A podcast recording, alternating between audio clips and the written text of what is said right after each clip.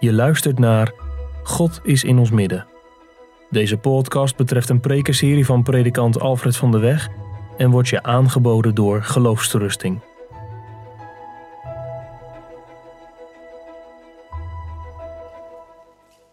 We zingen straks naar de preek uit Psalm 19, het zesde vers, waar we bidden, o bron van het hoogste goed, was, reinig mijn gemoed van mijn verborgen zonden. Psalm 19, vers 6, straks naar de preek. Thema voor vanmiddag is leven bij het wasvat. Na cirkelen rond het brandofferaltaar. Nu leven bij het wasvat. Dat is in de kern het leven van de dankzegging. We staan stil vanuit Exodus 30, vers 17 tot en met 21. Bij de verbinding met het altaar en ten tweede de vernieuwing door het water. Dus de verbinding met het altaar. We letten op de plaatsing van het wasvat, hoe het eruit ziet. En ten tweede de vernieuwing door het water, de functie van het wasvat. Wat gebeurt er eigenlijk? Wat is de bedoeling ervan? Allereerst dus de verbinding met het altaar. Gemeente jongens en meisjes, we vervolgen onze weg. We zijn vorige week door dat schitterende gordijn naar binnen gegaan. Ik zie zelfs de boekjes tevoorschijn gehaald worden van de tabernakel. Nou, dan ziet u het helemaal voor u, hè? Die, die schitterende uh, kleden en vervolgens het brandofferaltaar. En dan? Ergens zou je zeggen, dat is toch genoeg? Dominee, het gaat er toch om dat je schuld weggenomen is. Dat je recht voor God kunt staan.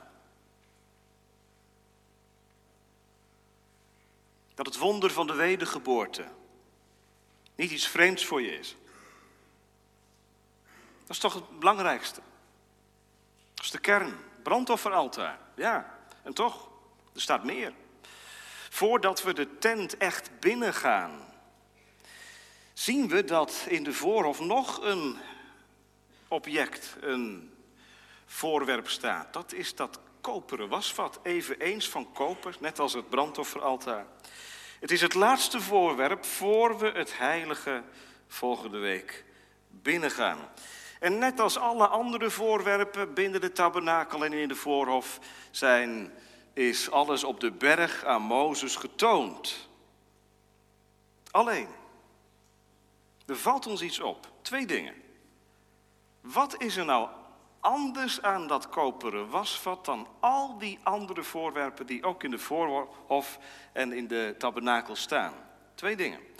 Allereerst, waar leest u de maten van het wasvat? Nergens. Het wasvat heeft geen maten. Ja, het heeft wel een afmeting, maar dat weten we niet. God heeft dat niet meegegeven. Dat is opvallend. Is God op dat moment niet precies geweest, terwijl hij alles tot in de finesses aan Mozes op de berg bekend heeft gemaakt, lezen wij helemaal niets aan afmetingen van het koperen wasvat. Dat roept de vraag op, wat is daarvan de bedoeling? Daar moet iets achter zitten. En er zit ook iets achter. Hoe weten we dan toch, want ja, er zijn plaatjes genoeg te vinden op internet en in boekjes, hoe weten we dan toch hoe het eruit ziet? Nou, dat heeft waarschijnlijk te maken met het feit dat Salomo later in die grote tempel ook een wasvat heeft gemaakt. Dat noemde hij de koperen zee. En het is hoogstwaarschijnlijk dat Salomo die koperen zee gemaakt heeft naar het voorbeeld van wat in de tabernakel, in de voorhof stond. Dus als we ons concentreren op die koperen zee in de tijd van Salomo, dan zou je kunnen zeggen dat het waarschijnlijk een heel groot en rond wasvat is geweest, met inderdaad een voetstuk daaronder. En dat staat er dan wel bij in Exodus 30. Het was een koperen wasvat, bedoeld voor de reiniging van handen en voeten. Waarschijnlijk zat er ook een soort kraantje in, waardoor je smerige voeten kon wassen en ook je handen kon wassen. En dan is er nog iets wat ons opvalt. Het brandofferaltaar, gemeente. Voor wie was dat bedoeld? Nou, we hebben het vanmorgen gehoord, hè? Iedere Israëliet mocht er gebruik van maken. Daar kwam er weer een. Met het offerlam. Om schuld te verzoenen, te laten verzoenen. En zo ging het maar door aan de lopende band, dag in, dag uit, s ochtends en s avonds. Iedereen mocht naar binnen. Het koperen wasvat dan? Dat was alleen voor de priesters. Dat was niet voor het volk. Nou zegt iemand, dan zijn we snel klaar, dominee, vanmiddag. Dat brandofferaltaar, zie je wel, daar gaat het om. Dat is de kern, dat is het centrum. En bovendien, dat is ook het centrum van de Bijbel, de verzoening met God. Hoe krijg ik een genade God? Dat is de kernvraag, die moet beantwoord worden in ons leven. En dan is het goed. Dat is ook de kernvraag. Maar er is meer. Gemeente, we lezen in vers 21 dat dat wasvat een eeuwige verordening is geweest voor hen. Een eeuwige verordening. Dat moeten we serieus nemen. God heeft het niet gelimiteerd, heeft niet gezegd op een zeker moment wordt het afgeschaft. Niets is afgeschaft van het Oude Testament. Het is wel vervuld, dat is wat anders. Maar hoe is het dan vervuld? Nou, gemeente, heel eenvoudig. Het is Pinksteren geweest. De geest is uitgestort op alle vlees. En als de Heilige Geest zondaren verbindt aan Christus, weet je wat je dan wordt? Een priester. Petrus zal het laten schrijven in zijn brief: U bent een koninklijk priesterdom. En dan heeft hij het over de christenen. Dus zij zijn priesters. En wat zingt de verloste schare straks? Boven bij de Here. U hebt ons goden gekocht met uw bloed en ons gemaakt tot koningen en priesters.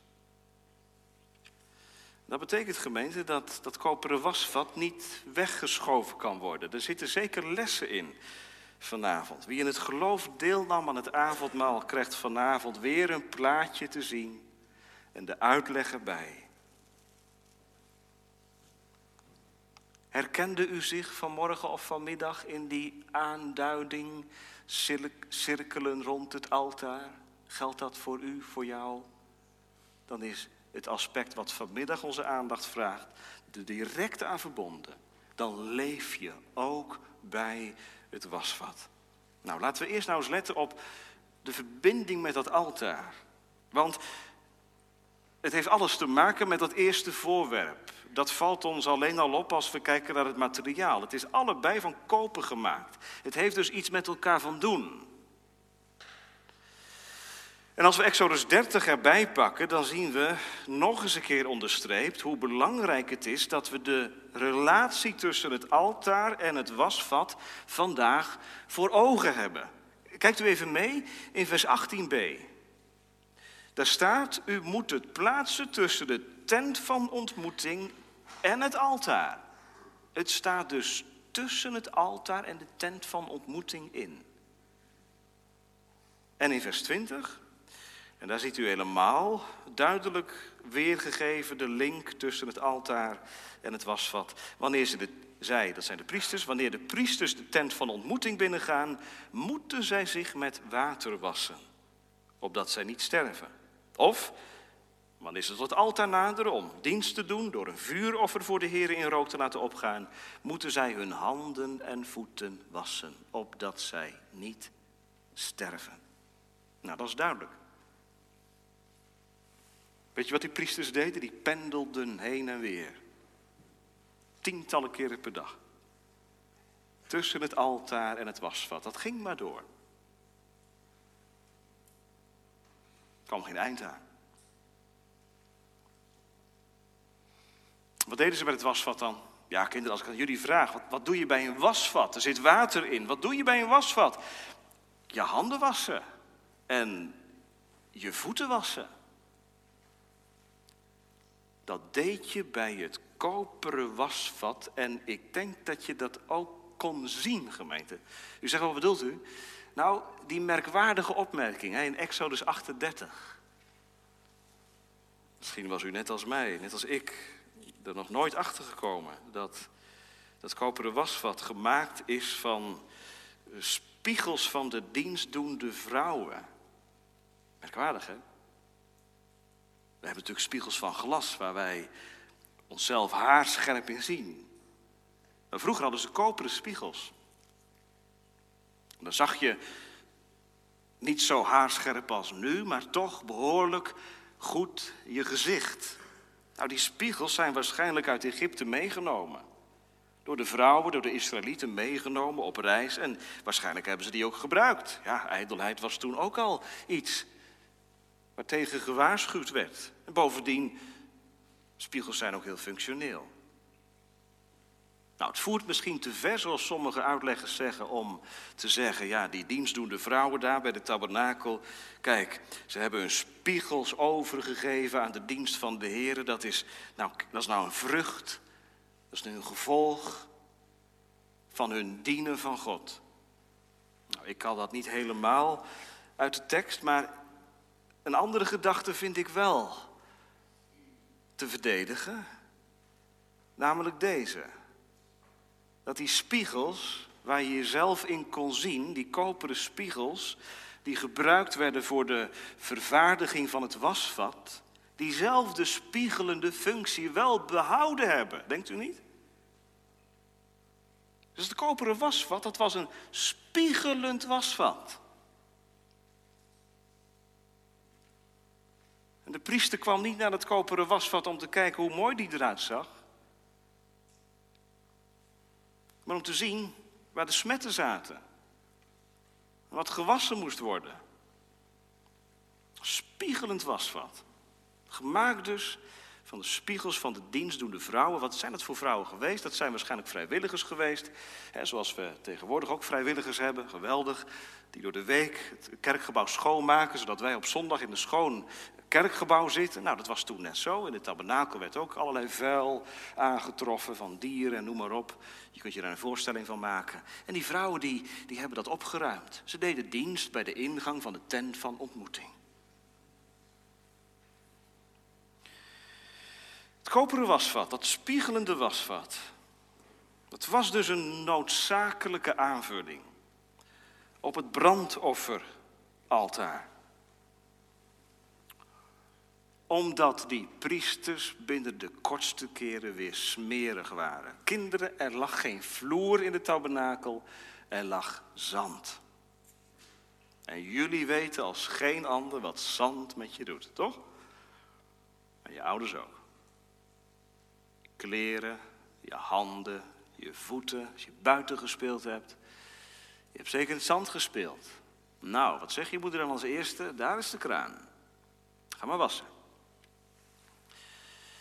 Die priesters, we lezen nergens van stoelen in de tabernakel, die hebben voortdurend gelopen en dat woestijnzand is stoffig en dat zorgde voor allerlei vervuiling. En daarom dat wasvat. Weet hoe is dat nu?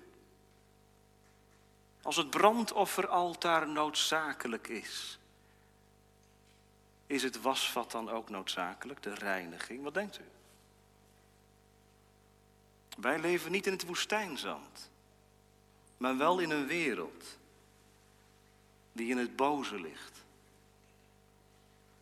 We lezen van het coronavirus wat rondgaat en rondwaart. Een epidemie. Vele, vele slachtoffers zijn al gevallen.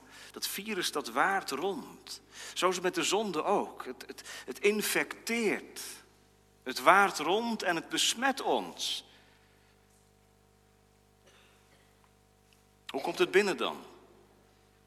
Nou, niet zoals bij de, bij de priesters handen en voeten, uiterlijk.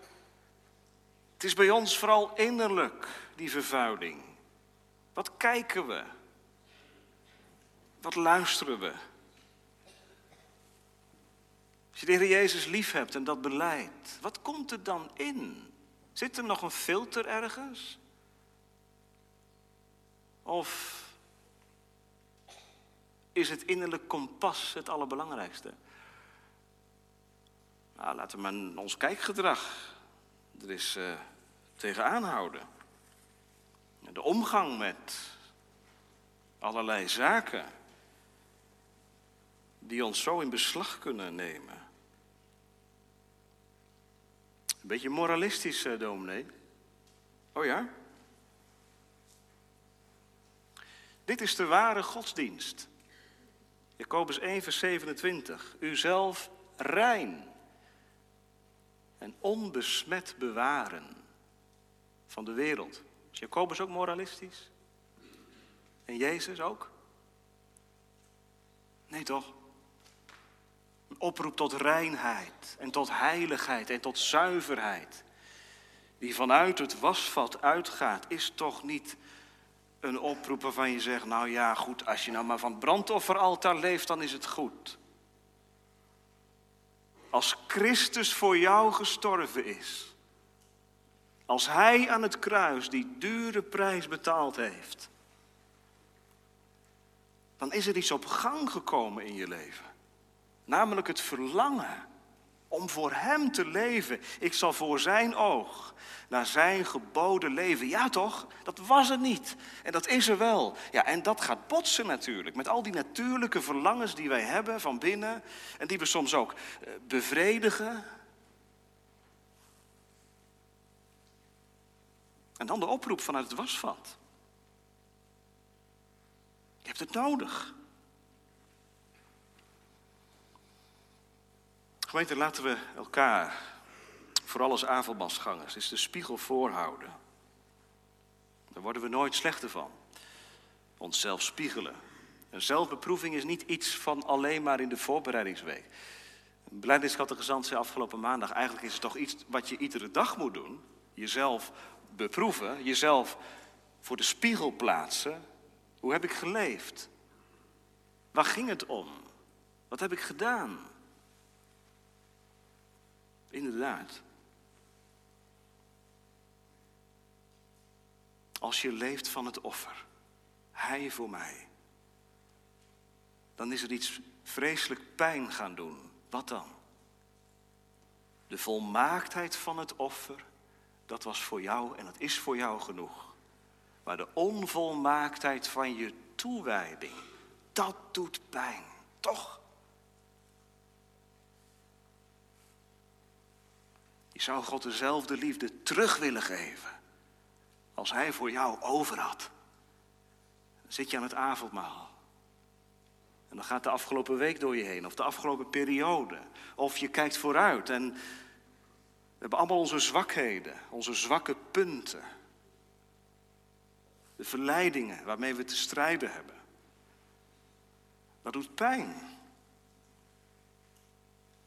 Reinheid.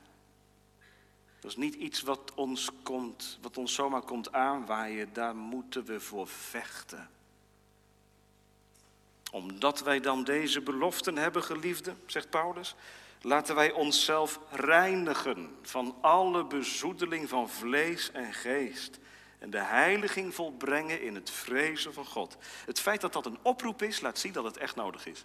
En als iemand van, van, vanmiddag zegt, ja, maar het is genoeg als je weet dat Heer Jezus voor jou aan het kruis gestorven is en voor de rest is het, is het goed. Het is echt een levensgroot gevaar. Dat is een halve zaligmaker. Een halve zaligmaker is geen zaligmaker. Christus is niet alleen gegeven tot rechtvaardiging, maar ook tot heiliging. Hij is niet alleen de bron van vergeving van zonde, maar ook de bron van reiniging. Toch kom je die gedachte in de kerk toch wel eens tegen, gemeente. Dat, dat mensen zeggen al dan niet wat omvloerst. Ja, maar het is toch het belangrijkste dat je weet dat je bekeerd bent.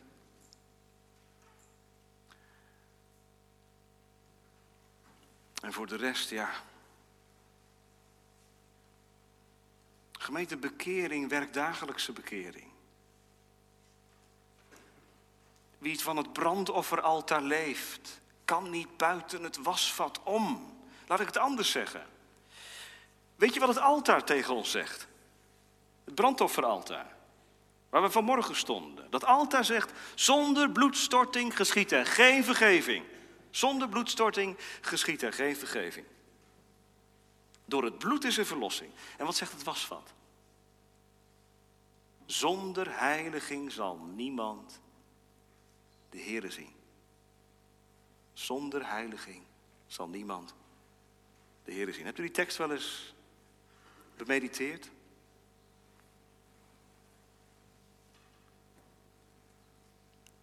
Het altaar, daar cirkelt het om. Bloedstorting, de vergeving, de rechtvaardiging. Maar het wasvat, gemeente, daar gaat het naartoe. Steeds weer. En dat is zonder heiliging zal niemand de Heere zien. No holiness, no heaven, zeggen ze in Engeland. Geen heiligheid, geen hemel. Je kunt het wasvat niet missen. Want die oude mens, die speelt op. Heb je er ook zo'n last van? Je probeert hem eronder te houden, maar iedere morgen zit hij weer aan tafel. En is hij die ongenode gast die net zo lang bedelt tot hij aandacht van je krijgt. En als hij aandacht krijgt, is hij tevreden. En als hij geen aandacht krijgt, dan zeurt hij de hele dag door. En wie van ons is in staat om ook maar één uur zonder de hulp van de Heilige Geest staande te blijven? Vaak moet je de balans niet opmaken s'avonds? In relaties, in je huwelijk, richting je kinderen. In de omgang met media. Gefaald. Oh, aan het avondmaal gezeten. En de duivel fluistert je in, zie wel, allemaal bedrog. Het is niet echt. Anders had je dit niet gedaan. Daar had je je voor, gewaakt. Gemeente, voor zulke mensen die de pijn ervaren van het onvolmaakte bestaan met de Heer, is de prediking van het wasvat een geweldige prediking. Wat zegt het brandofferaltaar? Er is vrijspraak voor zondaren. Zegt het wasvat, er is heiliging. Als je gevallen bent. Als je jezelf bevuild hebt. Er is reiniging voorhanden. Rechtvaardiging en heiliging gemeente, die horen in de Bijbel bij elkaar. Dat, dat is een tweeling. Als er alleen maar gehamerd wordt op de rechtvaardiging, een mens moet als een goddeloze gerechtvaardigd worden voor God, dan krijg je, kweek je eenzijdigheid. En dan zou je zomaar passiviteit kunnen kweken. Je hebt ook een ander gevaar. Als het alleen maar gaat over heiliging, kan het ook heel snel iets, iets activistisch krijgen. Heiliging moet, moet, moet gedaan worden, moet in het werk gesteld worden. Het brandofferaltaar en het koperen wasvat in die combinatie laten zien dat rechtvaardiging en heiliging bij elkaar horen. En dat er ook een orde is. Je komt door de voorhof binnen en komt eerst in aanraking met het brandofferaltaar. En vanuit het brandofferaltaar wandel je naar het wasvat, de heiliging. Want gemeente, dat heeft Christus overgehad toen hij zichzelf gaf in de dood. Leest u maar na in Efeze 5, vers 26. Daar staat dat Christus zichzelf overgaf. En wat staat er dan achter? Om zijn gemeente te verlossen? Om zijn gemeente te heiligen. Door het waterbad van het woord. Misschien om het nog iets dichterbij te brengen, zou je het kunnen vergelijken met een gezond huwelijk. Stel, hè, je bent getrouwd drie jaar geleden, dertig jaar geleden. De relatie is goed. Maar hoe komt dat? Hoe komt het dat uw relatie na 30 jaar goed is? Dat u tegen elkaar kunt zeggen, wat hebben we het goed met elkaar? Is dat omdat u op een zeker moment in de geschiedenis getrouwd bent en het jaarwoord hebt uitgesproken? Dat er getuigen bij zijn geweest? Dat het een, een feestelijke dag was? Is dat het? Iedereen die getrouwd is, die voelt wel aan dat is het niet. Dat is maar het begin. Dat is heel belangrijk, een heel belangrijk begin, de start geweest, de basis. Maar het geheim van een gezonde relatie is dat er iedere dag gewerkt wordt aan die relatie. Huwelijk is gewoon hard werken. Inspannen. Het komt je niet aanwaaien. Je kunt het niet doen met te zeggen: Ja, maar ik ben toch getrouwd met je? Ja, alsof je daarmee allerlei gedrag wat niet klopt kunt goed praten. Het gaat niet. Ze betekent huwelijk vraagt van de ene van de ander overgave. Als hij je liefste is, als zij je liefste is, dan zet je de dingen voor opzij. En dan is er aandacht voor die ander. En dan gebeuren er nog dingen die de communicatie verstoren en die relatie soms zelfs onder druk kunnen zetten.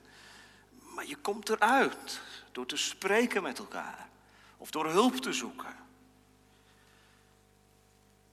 Nou, vergelijk zo dat huwelijk is met, met die geestelijke huwelijksband die Christus met zijn gelovigen onderhoudt. Het brandofferaltaar, dat is de basis. Maar wie gelooft in Christus heeft geen halve zaligmaker. Het wasvat, dat hoort er helemaal bij. De reiniging van binnen. Het is waar, je bent rein als je Christus kent en tegelijk moet die reiniging doorgaan. Dat is dus, om, om, om zo te zeggen, er is een bepaalde status, een bepaalde positie. Je bent in Christus gerechtvaardigd en geheiligd, maar er is ook een conditie dus de positie van een avondmaalsganger kan zijn gered, veilig. Maar de schrift laat ook zien, de conditie is even belangrijk. Hoe ben je dan kind van God? Wat is het niveau dan? Dat wasvat gemeente hebben we nodig. En wat als je Christus nou niet kent? Je zit te luisteren en het avondmaal gaat aan je voorbij. Je bent geen avondmaalsganger. Weet je wat het gevaar is? Als je Christus niet kent, dat je het wasvat voorop zet. Dat zit in ons. We gaan onszelf wassen, schoon. Respecteer de orde die God geeft. Wie vlucht naar Hem als een zondaar, die mag binnenkomen en die ziet niet altijd eerst het wasvat. Je hoeft niet allerlei reinigingsrituelen te ondergaan. Je mag komen zoals je bent. brandofferaltaar. Dat is genoeg. Dat is het eerste. Kom naar het altaar.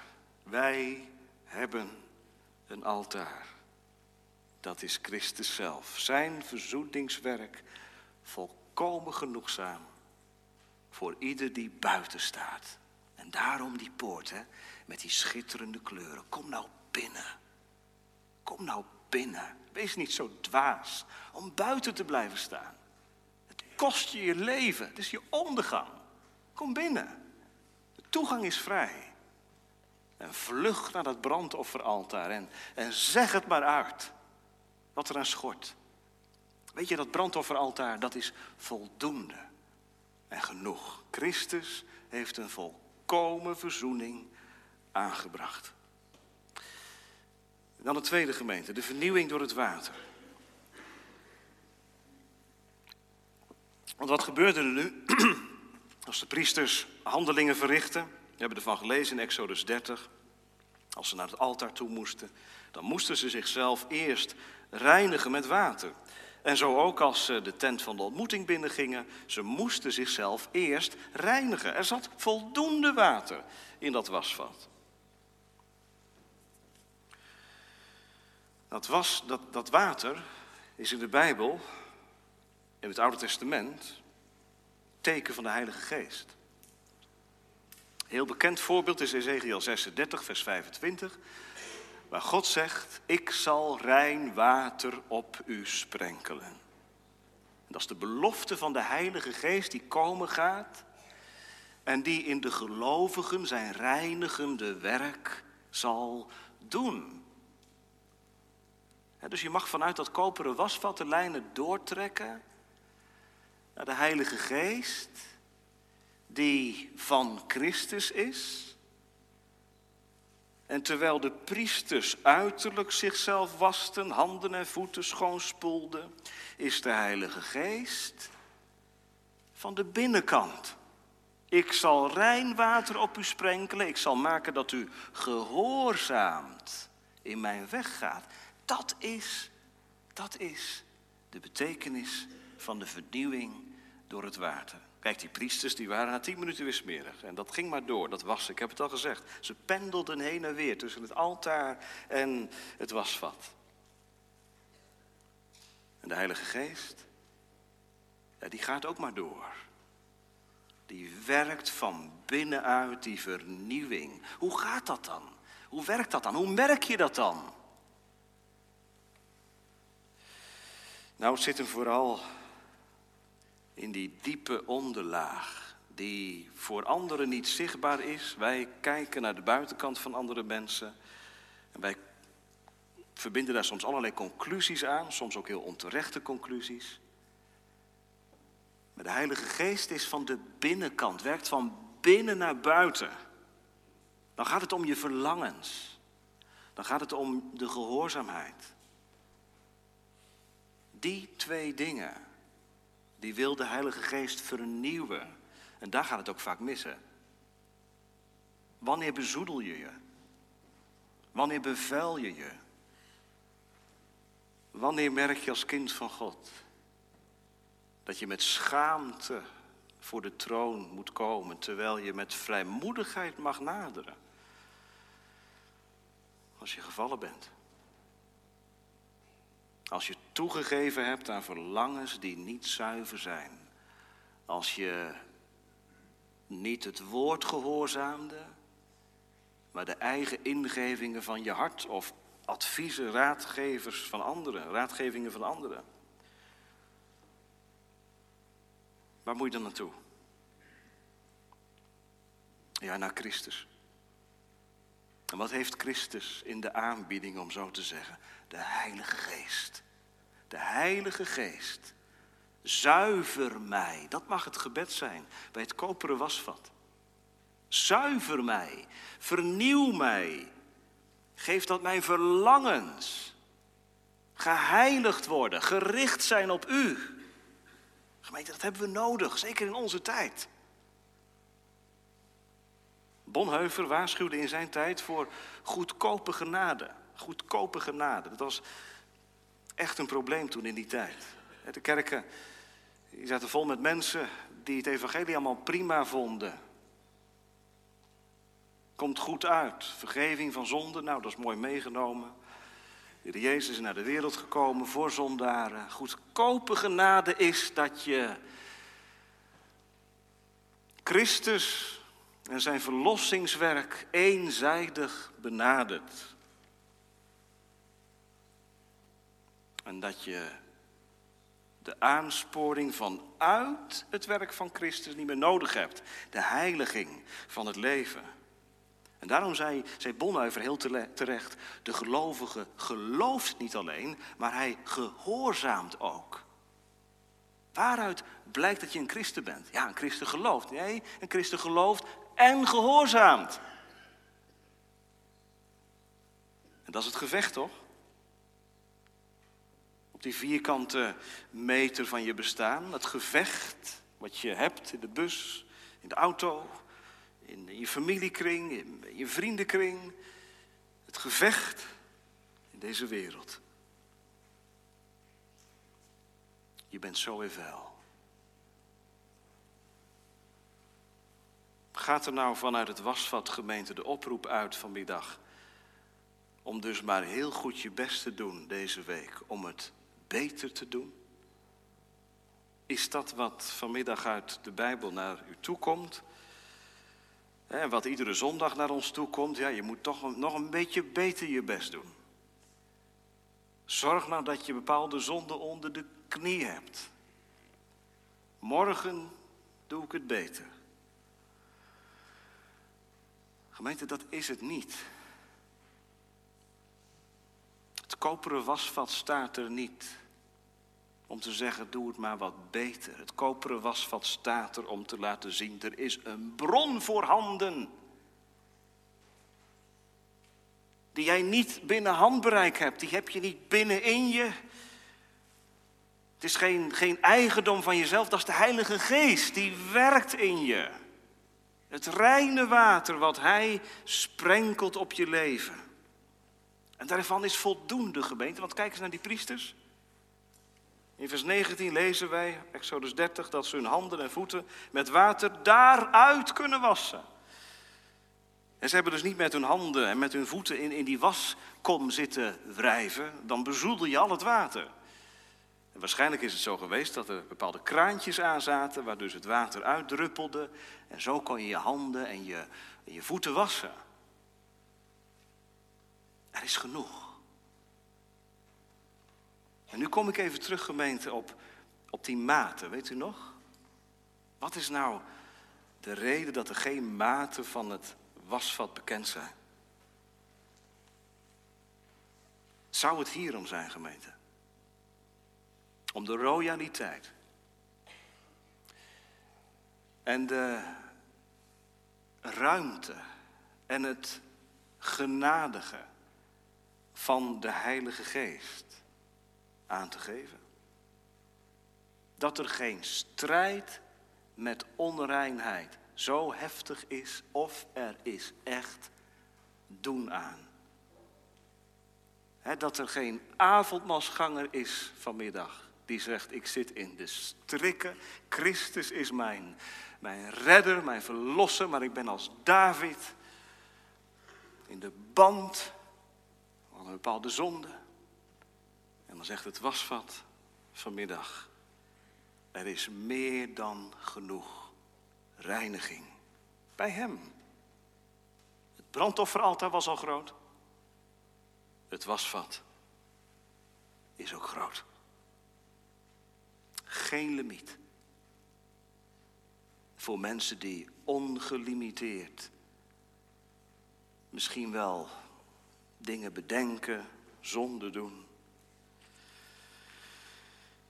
Gemeente, dat is leven uit Christus. Uitkomen bij de bron. En je smetten en je onreinheid eerlijk tegen hem zeggen. En vanuit die bron aangevuurd worden tot een leven van toewijding. Is dat je verlangen? O God, dat mijn gezindheid, het niveau van mijn verlangens, gezuiverd wordt. Dat ik daarin op u mag lijken als ik omga met mijn vrouw of man. Als ik mijn kinderen probeer te vormen. Als ik in zakelijke relaties iets moet bespreken.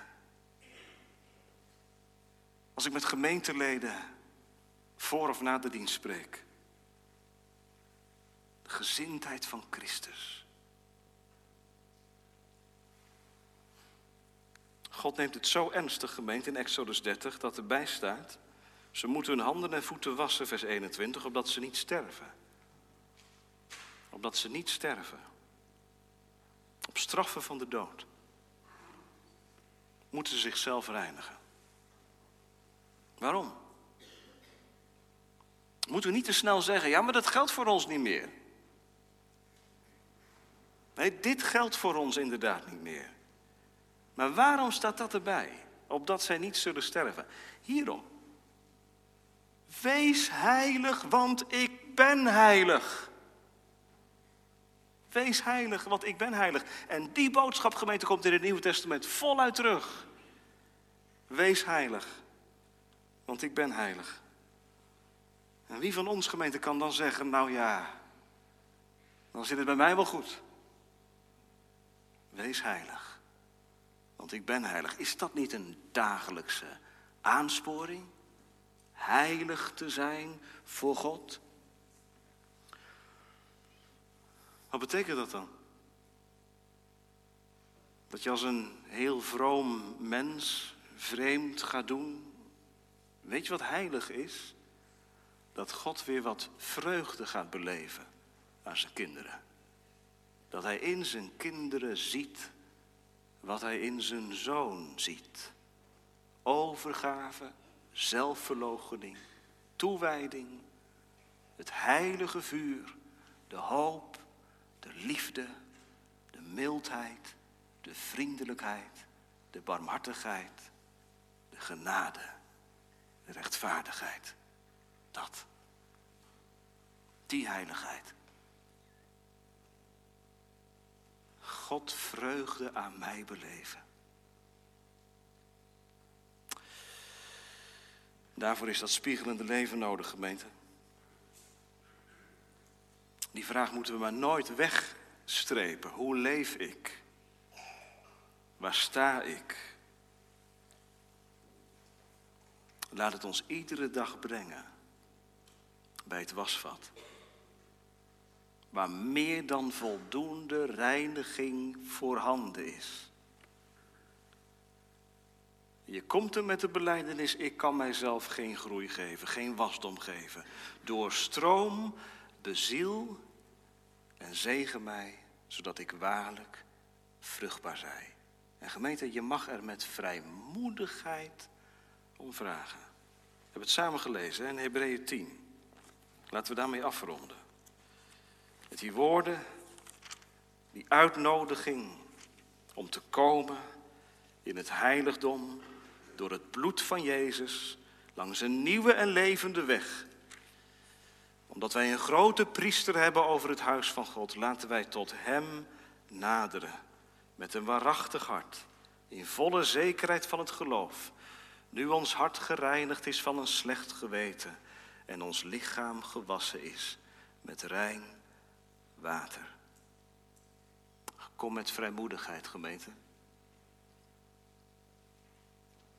En met alles waarvan je zegt, oh, daar is het tekort en daar te weinig en dat te veel.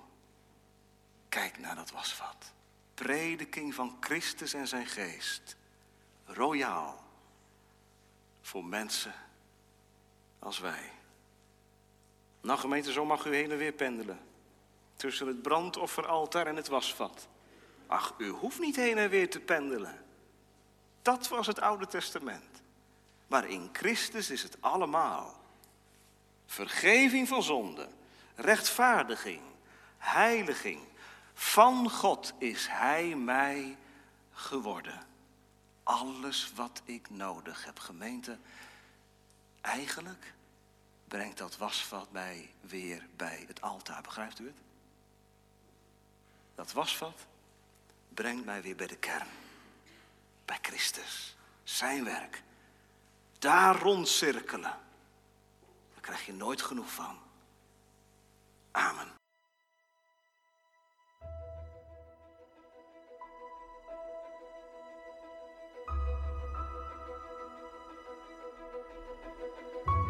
Je luisterde naar een podcast van Geloofsterusting.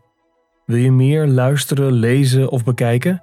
Ga dan naar de website geloofsterusting.nl.